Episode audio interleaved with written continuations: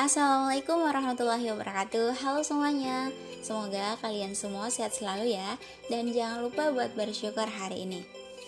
Perkenalkan, nama aku Hasniar Ilmu Komunikasi semester 4 Universitas Ahmad Dahlan, Yogyakarta. Di kesempatan kali ini atau di podcast kali ini Aku mau sharing ke teman-teman mengenai tujuh tradisi dalam teori komunikasi. Apa sih tujuh tradisi komunikasi ini? Sebelumnya, aku mau bilang bahwa belajar ilmu komunikasi sebetulnya sangat menyenangkan loh. Bayangkan aja nih, ucapan dan tindakan manusia sebagai instrumen komunikasi sendiri memiliki banyak sekali makna bahkan ketika manusia itu sendiri diam. Diam bisa berarti dia sedang berkomunikasi dalam tingkat keintiman tertentu. Aneh ya?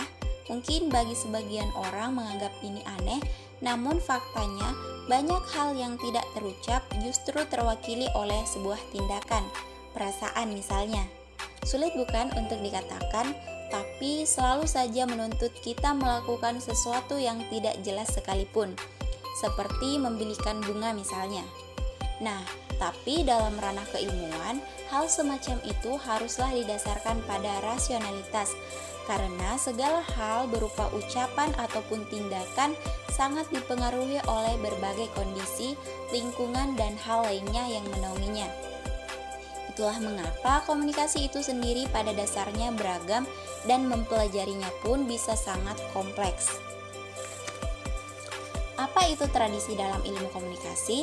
Belajar ilmu komunikasi tentu tidak lepas dari pendekatan keilmuan lain yang membentuknya, berbeda dengan keilmuan lain yang cenderung berdiri tunggal seperti filsafat atau sains. Komunikasi ini merupakan sebuah ilmu yang terdiri atas banyak pendekatan. Pendekatan-pendekatan inilah yang akan membentuk sebuah tradisi yang di dalamnya terdapat klarifikasi mulai dari pandangan, bentuk kajian, dan fungsi dari tradisi itu, itu sendiri. Tradisi inilah yang lalu menunjukkan akar-akar pembentuk kajian dalam ilmu komunikasi. Dengan mengetahui asal-usul kajian komunikasi, kita dapat menentukan nih di mana sebenarnya minat kajian kita dalam ilmu komunikasi. Lebih dari itu, kita dapat mengeksplorasi bidang kajian komunikasi melalui perspektif tradisi-tradisi tersebut. Namun perlu dicatat bahwa Sebetulnya, tradisi dalam ilmu komunikasi bukanlah mengotak-kotakkan bidang kajian yang tidak ada hak kaitan atau hubungannya dengan ilmu komunikasi. Akan tetapi, sebagai pijakan awal kita yang hendak dicapai dalam sebuah kajian, terutama dalam kaitannya dengan penelitian.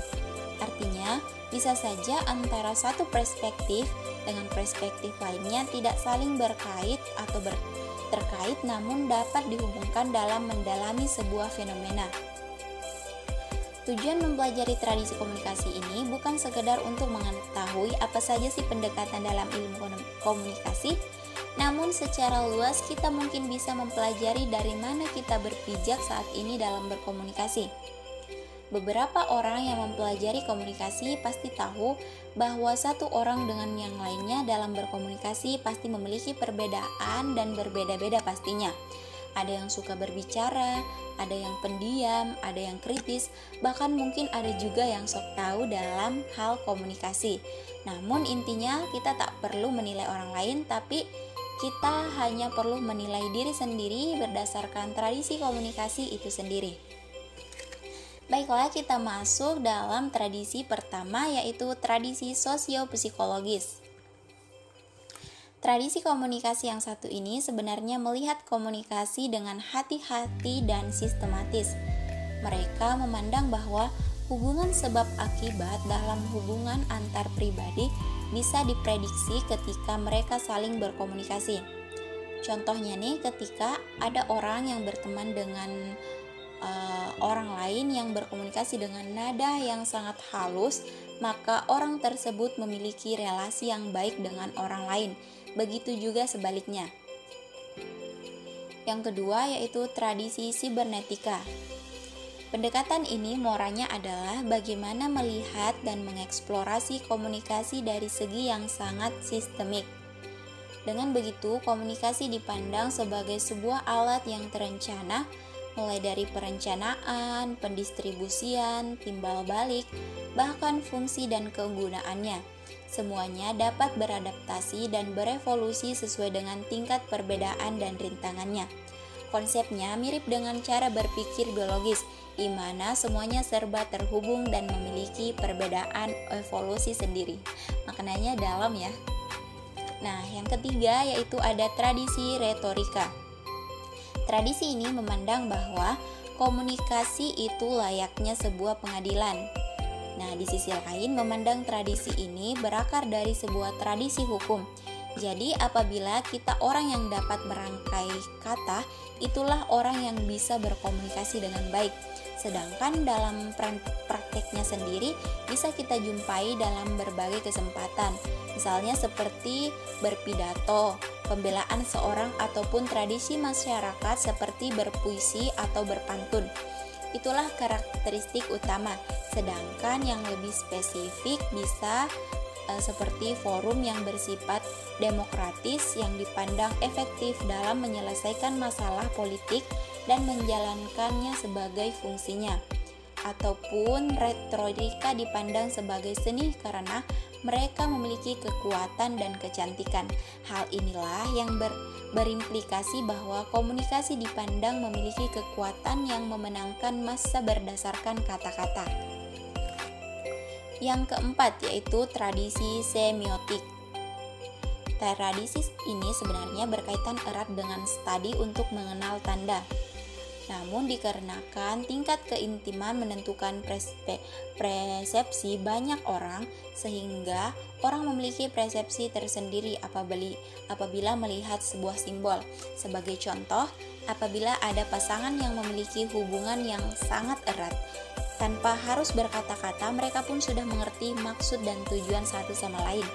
Ini dibuktikan misal dengan e, penyingkapan diri, ekspresi emosional, kontak fisik, kepercayaan, ataupun kondisi yang kurang mendukung ataupun ketidaknyamanan. Yang kelima ada tradisi sosiokultural, yang mana tradisi sendiri berkembang dari keilmuan linguistik atau kebahasaan. Edward Sapir atau Benjamin Leward dari Universitas Chicago mengatakan bahwa dunia nyata yang luas ini tanpa disadari dibangun atas nama kebiasaan bahasa dalam sebuah kelompok. Dengan kata lain, bahwa bahasa membentuk semacam konstruksi realitas yang terbangun di masyarakat, serta konstruksi realitas itulah yang membentuk masyarakat dan dipresentasikan dalam bentuk budaya.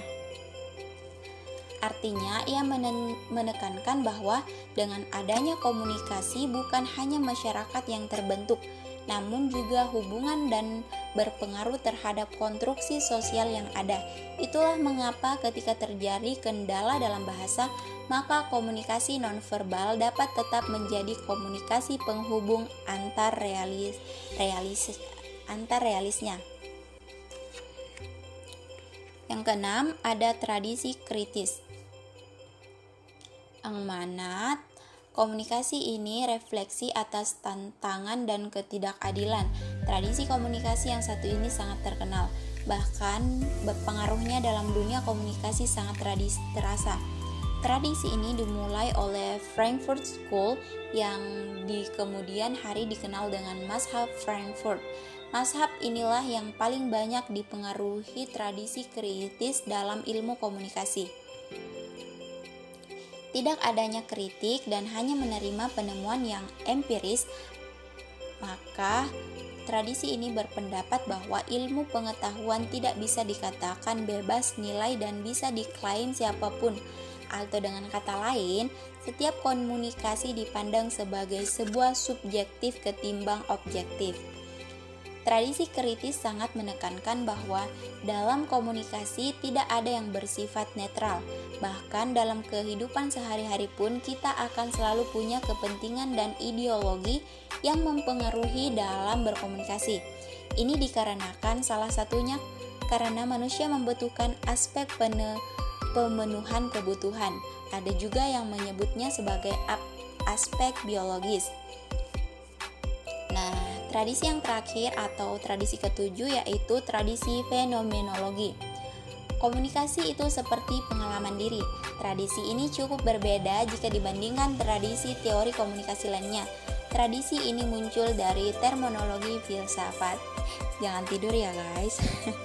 tradisi ini menetapkan persepsi dan interpretasi sebagai bagian dari pengalaman pribadi, sehingga komunikasi dalam hal ini ditetapkan untuk memahami kepribadian orang lain. Menurut Griffin, tradisi ini sangat menekankan aspek experience atau pengalaman untuk mengetahui persepsi bahkan individual. Cerita dan pengalaman seorang sangat penting dan menentukan dalam aksiona, aksioma atau kebenaran komunikasi. Tradisi ini agaknya berkebalikan dengan tradisi sosiopsikologis.